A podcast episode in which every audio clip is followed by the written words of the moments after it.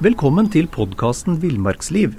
Mitt navn er Knut Brevik, og jeg er redaktør i bladene Villmarksliv, Jakt og Alt om fiske.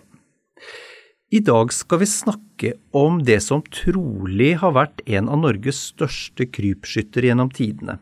Eh, og det er en, er en fascinerende historie, Per Strandbakken.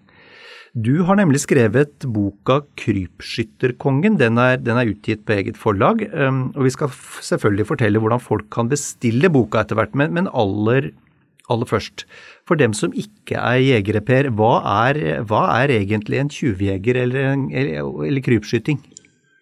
En krypskytter eller en tyvjeger er vel en som tilegner seg vilt eller trofeer på annenmanns grunn, ofte til utenom jakttid. og uten tillatelse.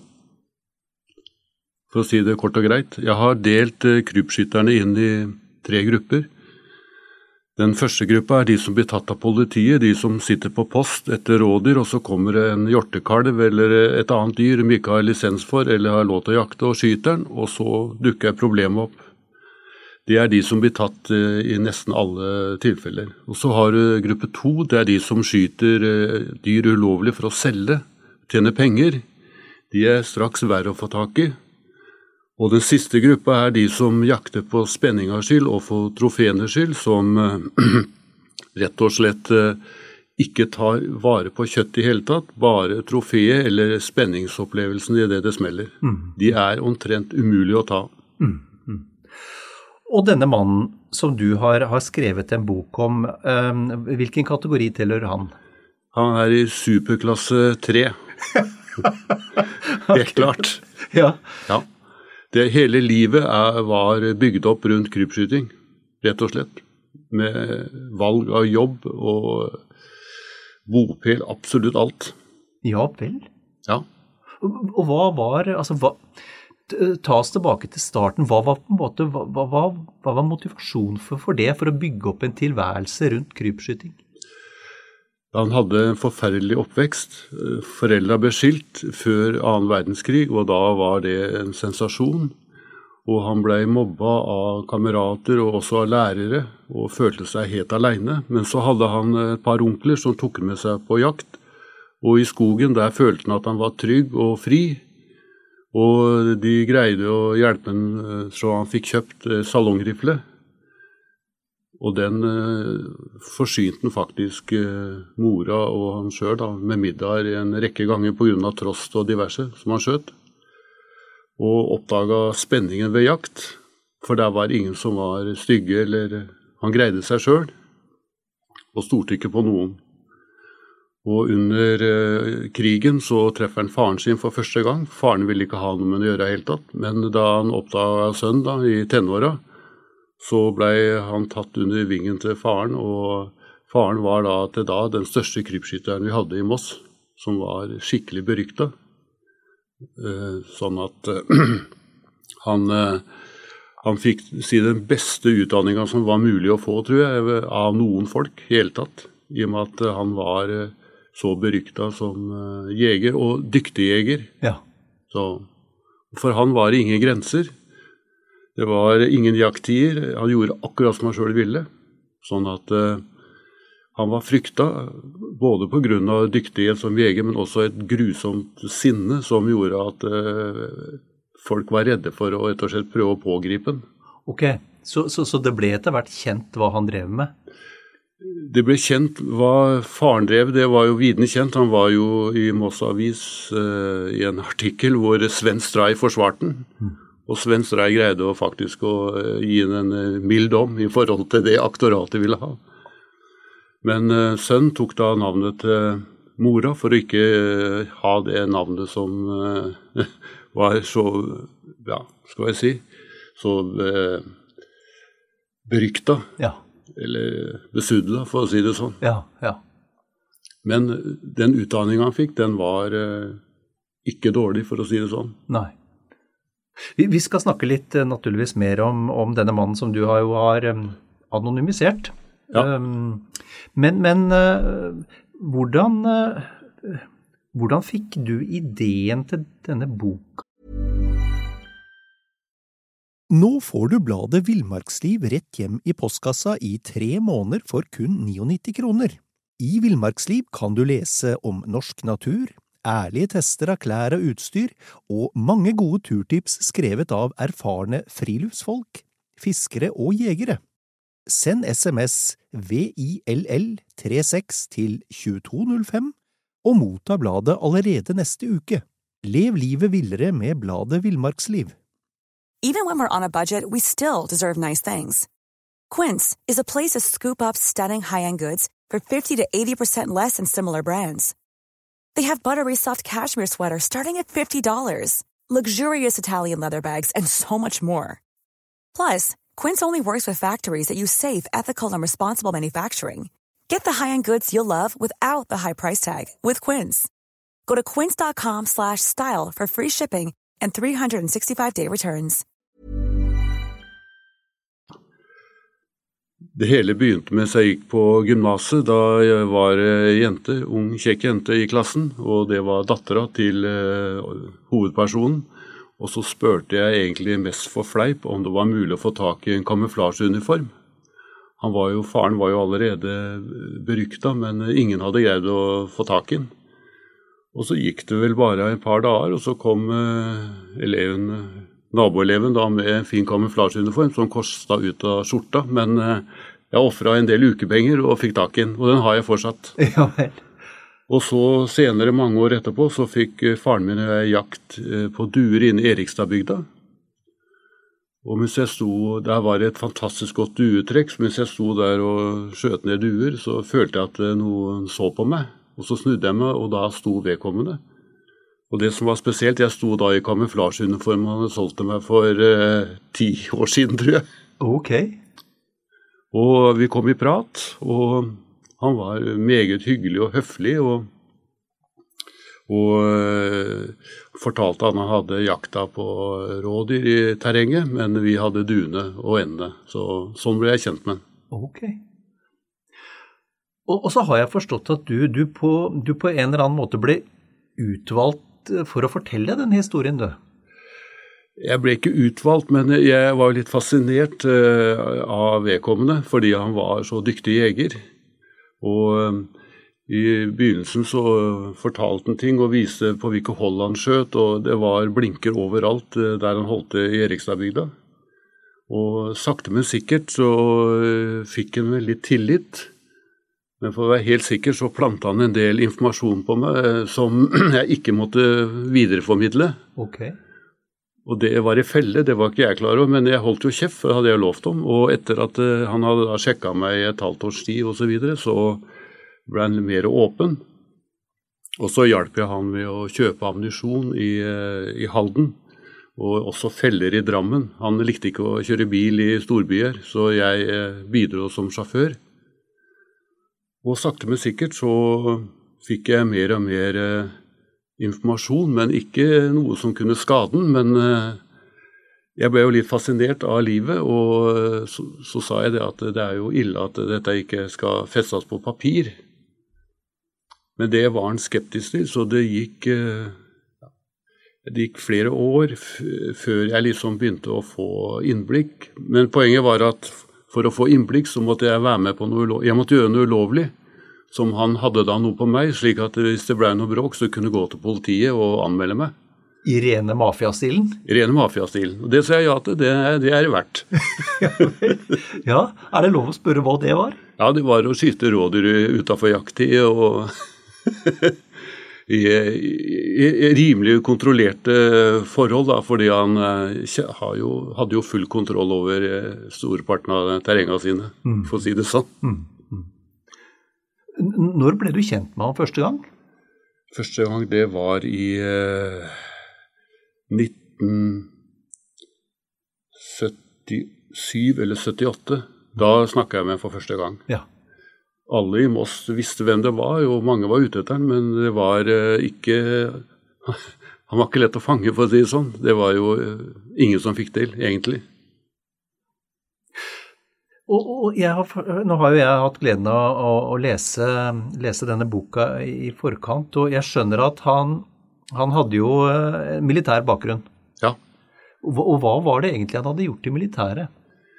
I militæret så øh, Først så hadde han vanlig førstegangstjeneste, og så øh, ble han sendt, eller meldte seg frivillig til Tysklandsbrigaden.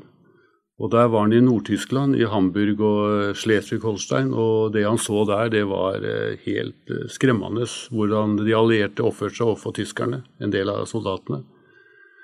Og ble fascinert av livet som soldat. da og da han kom tilbake, så ble han overført til Heimevernet, og der steg han ganske raskt i gradene, slik at uh, han tok en rekke Han tok alle de kurs som var mulig, som han hadde glede av som uh, krypskytter.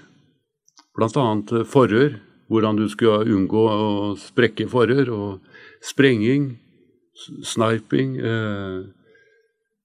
ja, Hvordan du skal bevege deg i terrenget, og hvordan du kommuniserer uten ord, bare med bevegelse og tegn.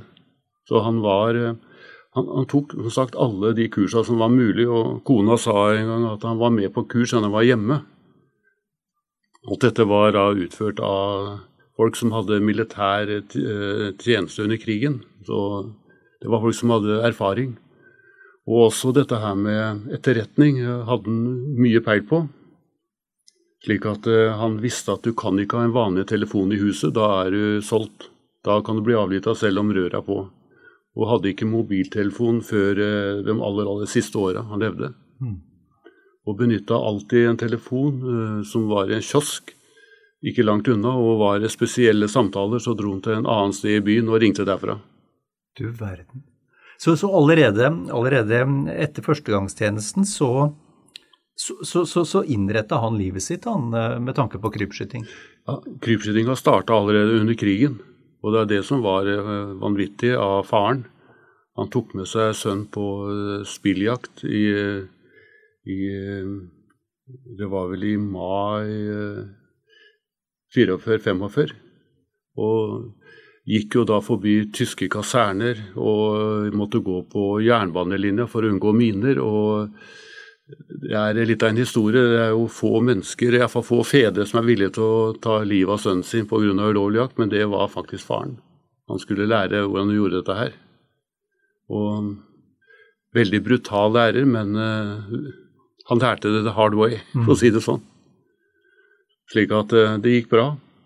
Og rett før krigen var slutt, så gikk jo ryktene om faren hans drev og jakta ulovlig, så en tidlig morgen så omringa de eh, huset til faren med noen NS-politi og noe stabspoliti. Og faren hadde sett dem komme lenge før de egentlig de var oppdaga, slik at han fikk gjemt unna eh, våpenet.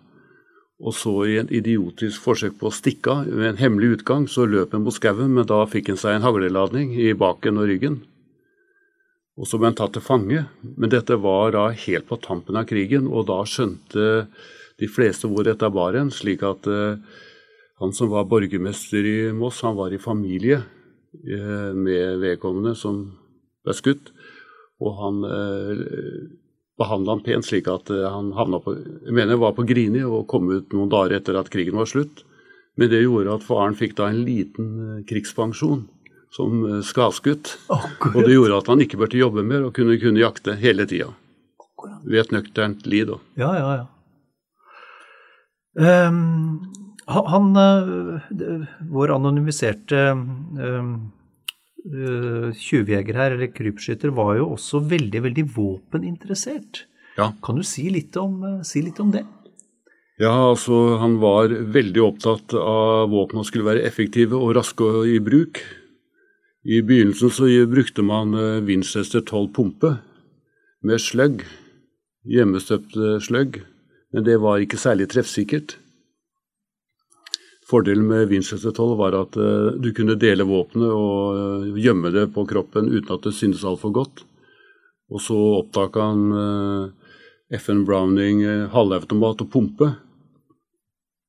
Men de hadde et problem, og det var at hylsene forsvant med halvautomat. Og da han oppdaga beretta enkeltløp av 412 modell, da fikk han en aha-opplevelse, og alle de våpnene han hadde, ble bygd på det våpensystemet. Absolutt alle. Han hadde fire våpen i, i, garderoben som han benytta. Det var 22 salongrifler bygd på kaliber 20 Beretta, og så var det en 25-35 bygd på en kaliber 20 Beretta. Og så var det en kaliber 20 hagle med avkorta pipe, men med en trangboring som gjorde at han traff tre Fikk tre skudd i en halv murstein på 75 meter med kikkersikte. Du verden. Og det fjerde var en 5,652 R. Alle på kaliber 20, og alle bygd av Dankert Kron. Legendariske børsemakeren i Oslo? Ja, det kan man trygt si. Jeg var med der inn etter å ha blitt eh, godkjent. Ja vel. Og det var en selsom opplevelse. Ok. Kronen hadde harabikkje, og mens vi satt der, så spiste han opp halvparten av et sånt akvarium i plast som det fløt sånne plastvandiljer rundt i. og Bikkja ble banka og hivd ut, og det ble kaos uten like. Men eh, sånn var det. Han var ikke akkurat en hundemann, men børsemakeren var han god til. Ja, um, vi må snakke litt om, om, om noen av historiene også. Um, du har jo skildra en rekke historier i, i, i boka di. og en, en jeg syns er, er, fascinerende, er jo den om da han faktisk um, jakta på, på, på, kirkegården på Jeløy. Ja, det gjorde han flere ganger. Men, men, men hva, fortell denne historien. Um, Nei, altså Det var jo stadig i Moss Avis klager på eh, at rådyr har spist opp alle plantene som var satt ut på gravene, og folk var forbanna og ville ha dem vekk. Men eh, det er jo bynært område, så jakte der det var ikke aktuelt. Og jakte på utsida var ikke så enkelt. Men dette la han jo merke til, og fant ut at eh, dette skal jeg prøve. Og det fungerte bra. Utrolig nok. Det er utrolig frekt, men skyte med salongrifle mens folk står ved gravene og prater med avdøde, så avliva han da pene bukker som eh, han trakk da ut. Det gikk bra, men han sa det var spennende. Men det var jo noe av meninga for han da, var å få spenning. Så når de da hadde fått løpt et stykke og datt over ende, så plukka han dem opp og dro dem etter seg i en nylontau ut eh, forbi en eh, mur, og så ble hodet kappa og skrotten hivd. Ja, fordi jeg, så vidt jeg husker, så, så um, hadde han vel um, Han hadde tatt med noe, noe, granris, var det ikke det? Jo, granris hadde han. Det var for å late som han holdt på med grav. Nettopp. Og der skjulte han det han uh, måtte skjule, og da la ingen merke til den. Så Nei. Han bare gikk med bøyd nakke med granris, først som underlag for anlegg for skyting, og så for uh, dekket til dyr dyret idet han festa nylontauet rundt horna. Mm. Og så trakk det da etter seg uten at noen så det. Akkurat som en bikkje i langt vann. Og, og, dette var altså en tidlig morgen hvor det var andre mennesker ja, det var, på kirkegården? Ja.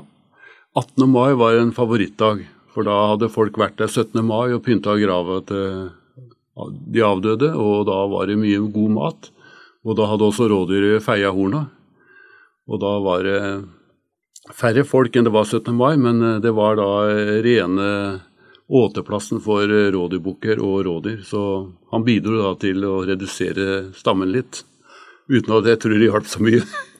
Men, men, men, men det, altså han, han, eh, må jo ha vært tidlig ute med underlydsammunisjon og, og, og lyddemper, da? Ja, han var utrolig tidlig ute. Han var jeg, Det starta vel allerede på eh, midten av 50-tallet, hvor eh, han fikk den første salongrifla med lyddemper. Og tilpassa seg sjøl med at Kolbe ble kappa og løpet ble kappa. Slik at han kunne bære det under jakka uten at det syns. Det gjaldt jo alle våpna. Absolutt alle våpna var fullt uh, usynlige under jakka men var da raske å få i, i bruk. Bare hekta reim over hodet og skyte. For det var problemet med de andre våpentypene han prøvde seg på, var at han måtte sette sammen våpenet. Harrington Richardson var sånn at det tok jo eh, to minutter før han var skyteklar, og da gikk han glipp av en mengde dyr. Mm -hmm. Sånn at uh, han var uh, som en mink i en hønsegård. Mm. Um, av alle disse historiene, hvem syns du er mest uh, hva skal vi si, fascinerende? Jeg må si den eh, på flukt fra Alaska, hvor han er sammen med Dankelkron på jakt. Og når hun da kommer til hytta, så er hytta blitt rasert av bjørn og ekorn. Og alt var kaos og regnvær.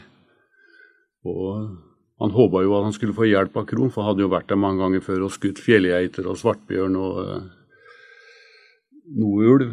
Men uh, han måtte greie seg sjøl, for det var alltid et sånn konkurranseforhold uh, om uh, jaktbytte. Altså Krohn mente at han var den beste jegeren, og likte ikke at, at noen som han tok med seg, skjøt større eller bedre dyr enn han.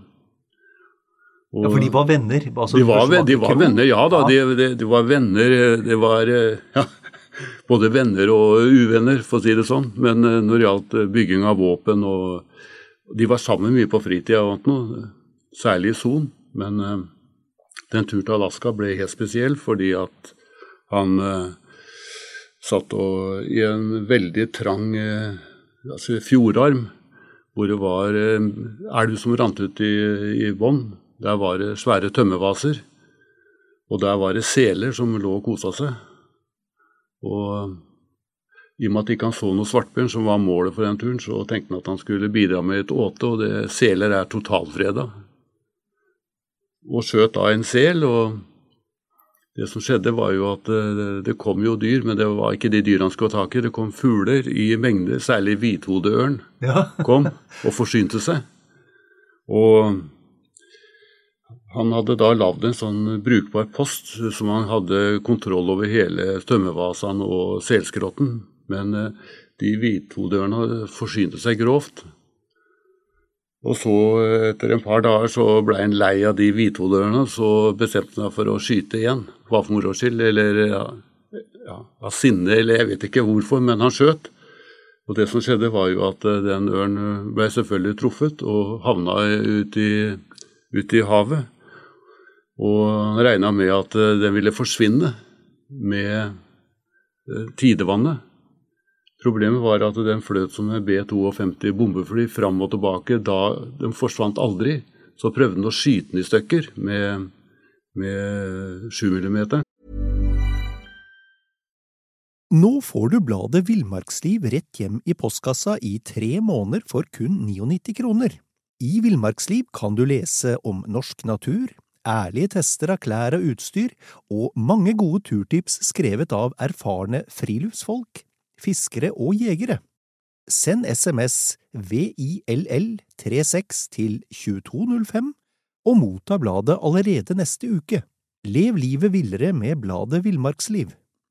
Many of us have those stubborn pounds that seem impossible to lose, no matter how good we eat or how hard we work out. My solution is.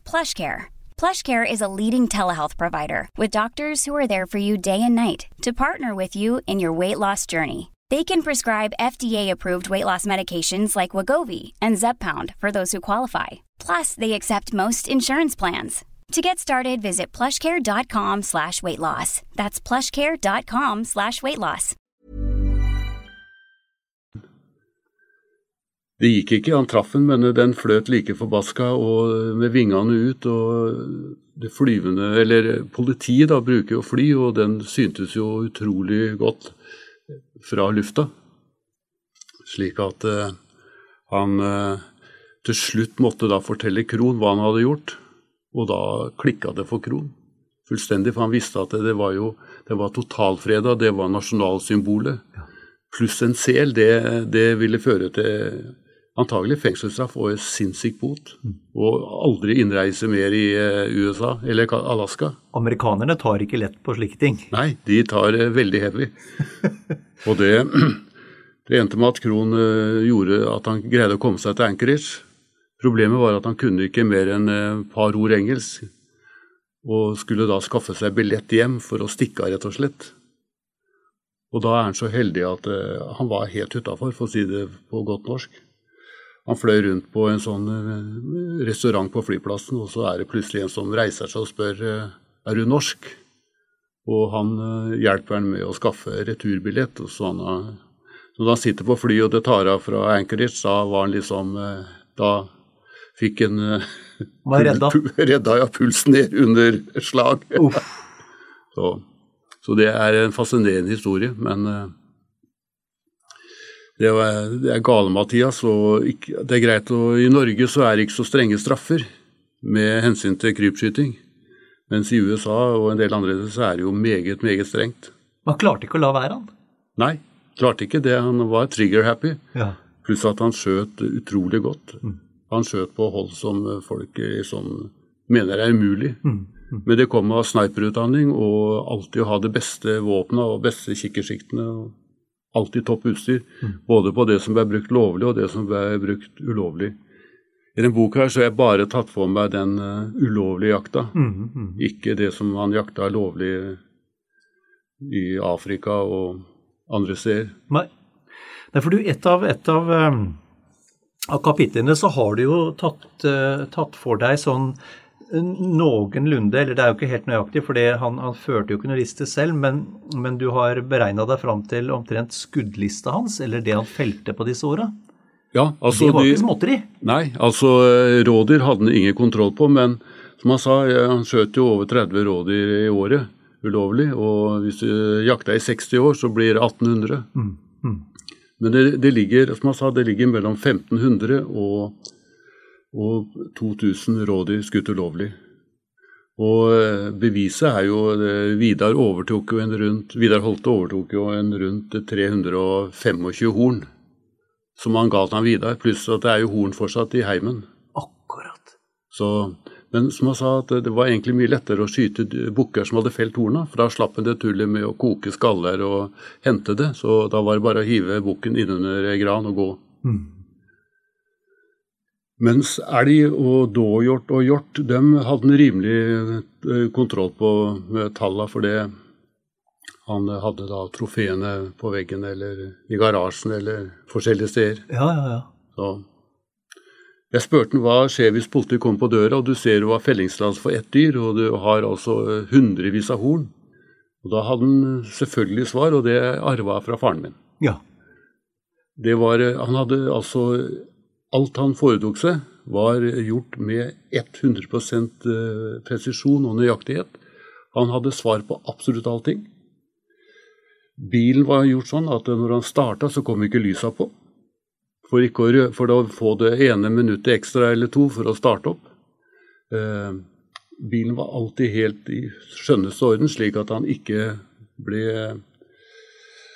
tatt for, av politiet for en bagatell, det at lyset mangla. Eh, alltid full tank. Og alltid eh, matkasse og diverse utstyr og jekketralle og utstyr. For hvis han satte seg fast, så kunne ikke godt gå opp til bonden og spørre om å bli forhjelpt og komme av gårde. Nei.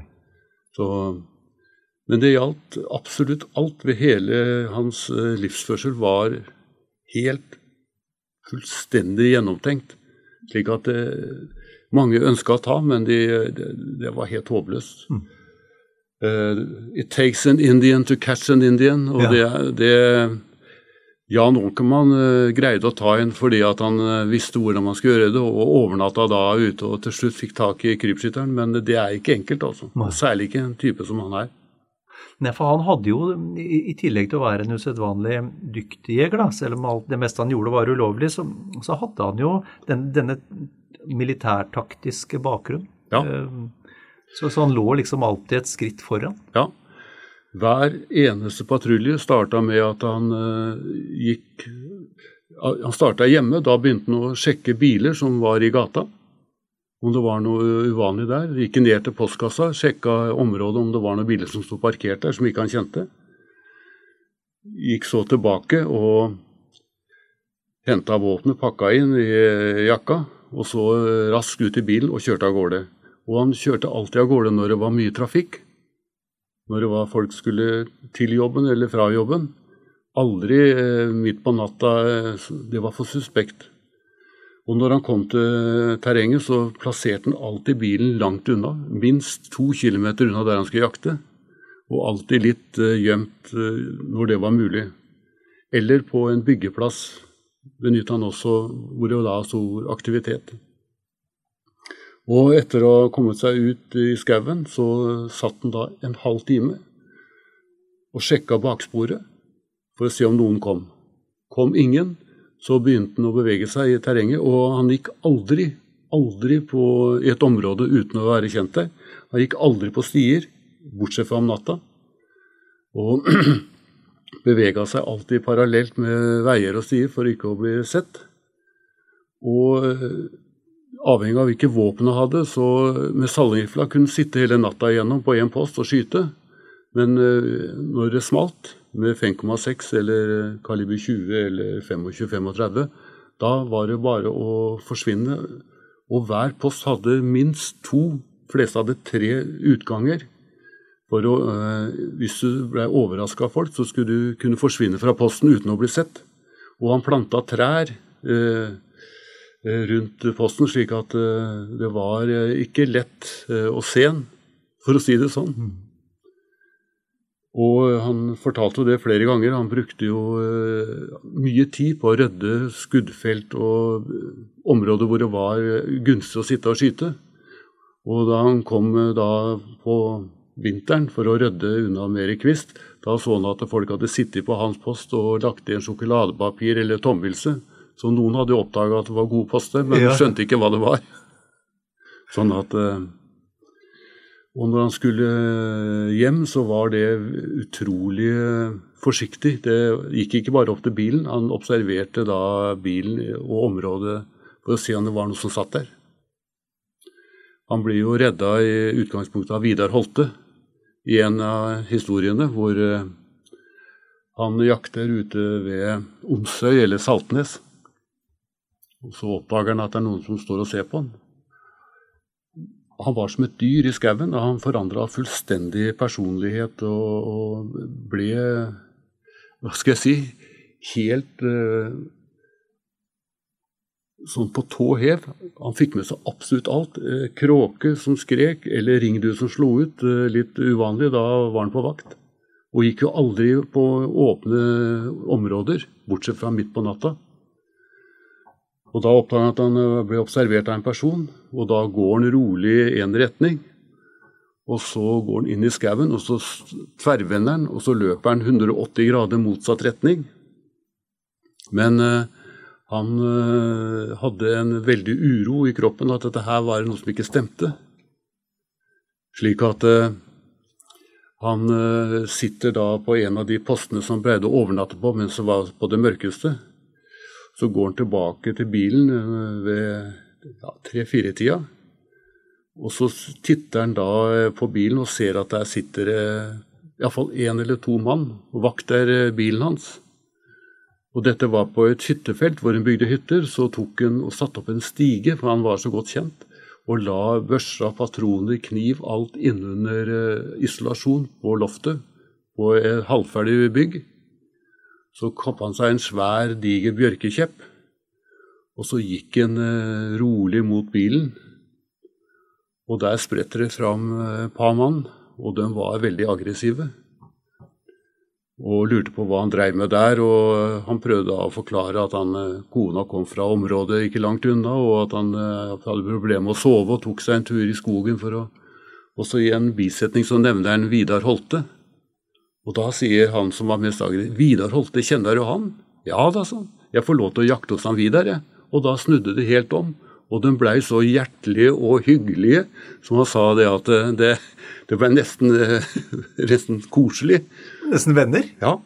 Sånn at uh, han uh, sa for jeg komme meg hjem, og de uh, prata og sendte den hjem, og alt var bra. Og natta etter så var han der med en annen bil og henta ut våpen og annet. Men han sa da at jeg har jakta for mye der, det har blitt rutine, de har sett bilen. Slik at da var det området farlig å bruke. Mm. Sånn at Men det var Vidar som redda han. men ble han noen gang tatt?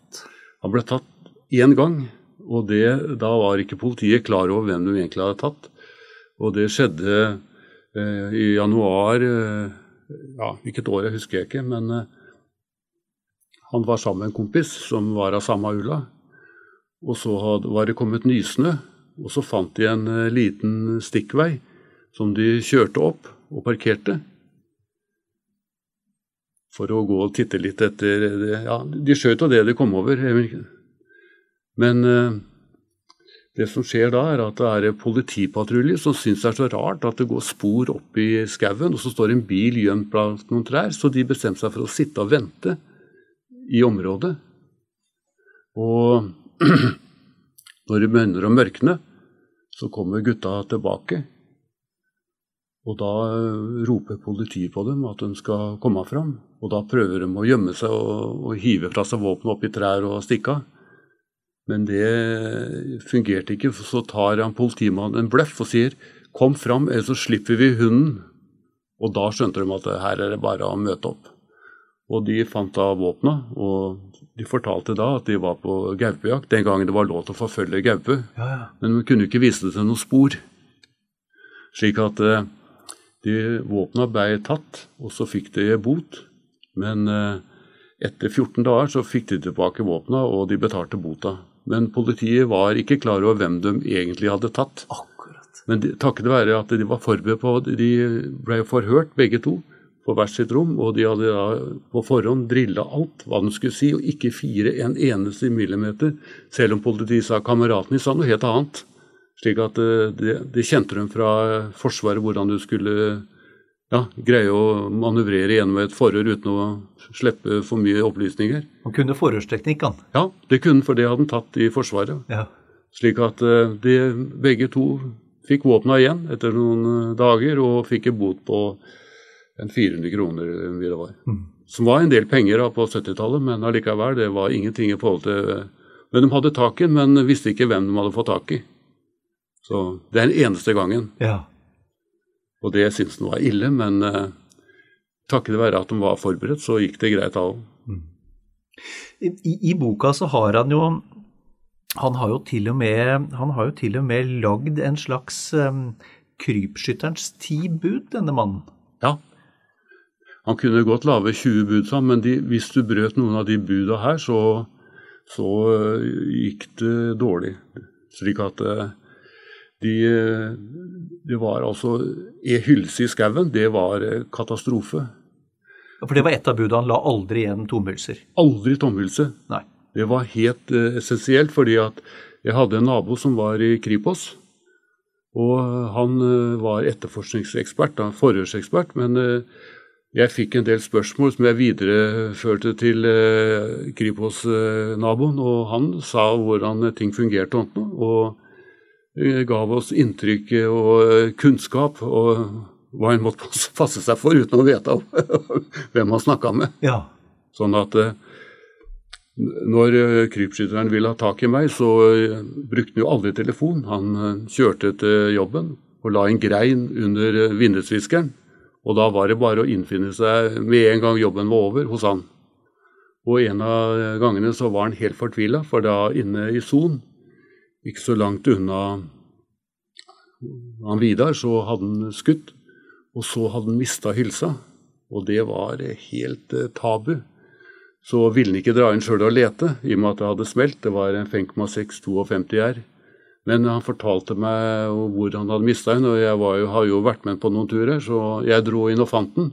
Og det var omtrent som å se en som vant sju rett i Lotto, for det alle hylser skulle ut av skauen og aldri, aldri legges igjen. Nei. Men de, de, de var jo flere. Han var jo ikke aleine, men han, det var han her som dro det lengst. Men han var da på jakt etter hylser eh, hos eh, såkalte motstandere.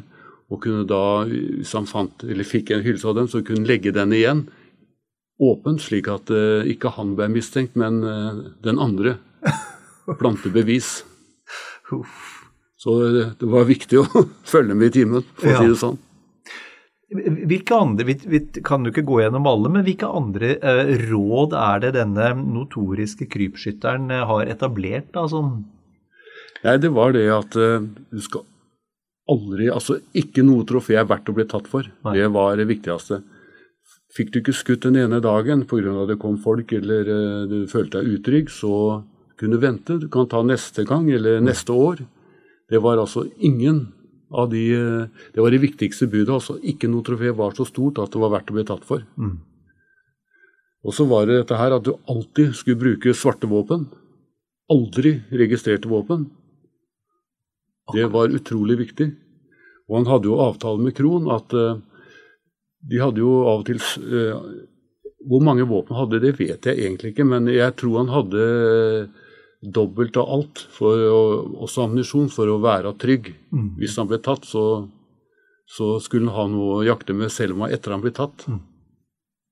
Men Krohn hadde da lagd brotsjer som kunne forandre pipesignaturen hvis han ble bedt om å møte fram med et våpen, pluss at han bytta tennåla til alle våpna. Slik at uh, tennåla gir like mye skal jeg si, eh, like mye Signatur? Ja, som en riflebom. Sånn at uh, alt var gjennomtenkt, og det var 24 timers service når som helst på døgnet. Kunne komme til Kron og få gjort om tennål og pipe. Mm. Mm. Derfor var det så viktig at hylsene ble med hjem. Mm. Også dette at du aldri skulle selge kjøtt. Du kunne av og til, hvis det var helt trygt, så kunne ta med seg et rådyrlår og gi bort. For da ble det aldri noe tull. Men faren solgte, og han ble jo tatt gang på gang på gang. Mm. For da slang folk med leppa. Men de som hadde fått eh, et rådyrlår i gave eller en rygg, de slang aldri med leppa. Og så hadde han jo da lov til å skyte ett dyr lovlig i Erikstadbygda i året. Ja. Slik at det var alltid det dyret han ga bort. Akkurat. Men du, jeg tenker, du, du, du, jo, du kjente jo denne Han er jo død nå. men ja. Du kjente jo denne mannen veldig godt. Um, og for meg så høres det ut som det er eh, egentlig, egentlig et tragisk liv eh, med den starten. Ja, den starten var ille, for å si det på godt norsk. Det var det var altså i skogen hvor han fant ro og fred og følte seg trygg rett og slett. Slik at eh, med en annen far du vet, Når du er 13-14 år, så har du ikke mye hva skal jeg si, moralsk eh, støtte. Når du blir fortalt hvordan du skal gjøre ting ulovlig. det Faren prega han altfor mye, og kan du si ødela han sånn sett. Og han sa også det at for å bli krypskytter skal du ha gode nerver. Det er altså når jeg var hjemme hos han og det kom en bil som ikke han kjente, så var det følge med bilen opp med kikkerten. Og ikke noe ble alt. Han var alltid på tå hev. Ja. Og når du ringte på, så var det ikke mulig å åpne døra utenfra. Den var kun mulig å åpne innenfra. Og hver gang, så, selv om han visste at jeg kom, så sjekka han i vinduet hvem det var først. Før han gikk ned og åpna. Mm. Så men for, for, det høres jo eh, Nå har jeg lest, lest boka, fantastisk spennende. Eh, fascinerende historie. Men det er jo noe nesten noe sånn tvangsmessig over det? Ja, det kan man si. Jeg er ikke psykolog, for å si sånn, så. men, men eh, det, det ble det hele livet ble sentrert om. Det var jakt. Man jakta alle dager, bortsett fra julaften og var det nyttårsaften som han ikke jakta. Ellers så jakta han alle dager, men ikke når det regna. Mm. Ikke når det regna, nei. nei. For våpna skulle ikke bli bløte. Nei. Men han hadde jo alltid med seg en eh, stridssekk når han var på e-, endagspatrulje, og når han var på flere flerdagspatrulje, da var det enda mer utstyr. Men alt var helt militært og gjennomtenkt.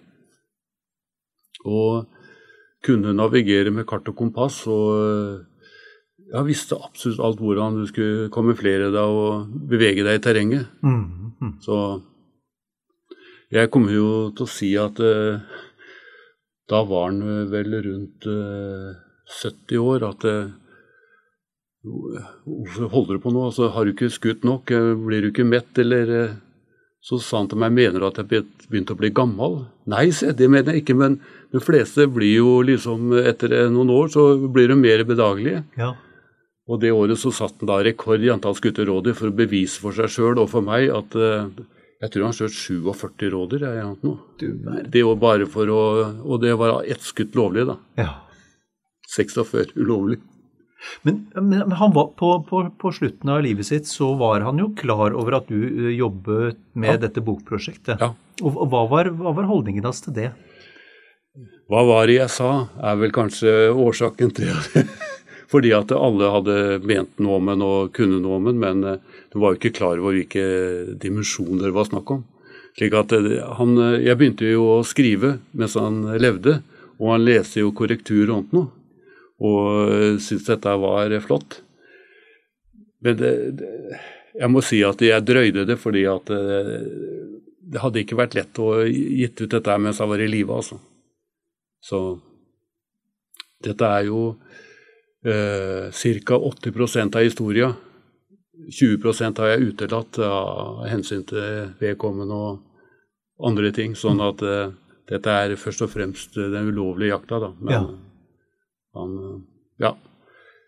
Det tar på å være krypskytter eh, i 60 år. Det å aldri liksom kunne slappe helt av. For de vet aldri når de kommer eventuelt, og med husransaking eller ja. Ja. Nei, det, vi, vi er jo på ingen måte tilhengere av krypskyting, eh, noen av oss, men, men det må jeg si at dette er altså en, eh, en fascinerende historie. Eh, boka 'Krypskytterkongen' som du har skrevet, Per Strandbakken. Og mm, det vi lovte å fortelle hvor, hvor folk kan bestille den. Og det skal vi selvfølgelig holde. Og det er på, på din e-postadresse, og det er pe-stra krøllalfa online.no. Eh, Og boka den koster 299 kroner pluss plus eh, frakt, Per. Ja. Da håper jeg at du selger eh, riktig mange bøker, for dette er virkelig en spennende historie. Tusen hjertelig takk for en fin prat, Per. Jo, takk i like måte.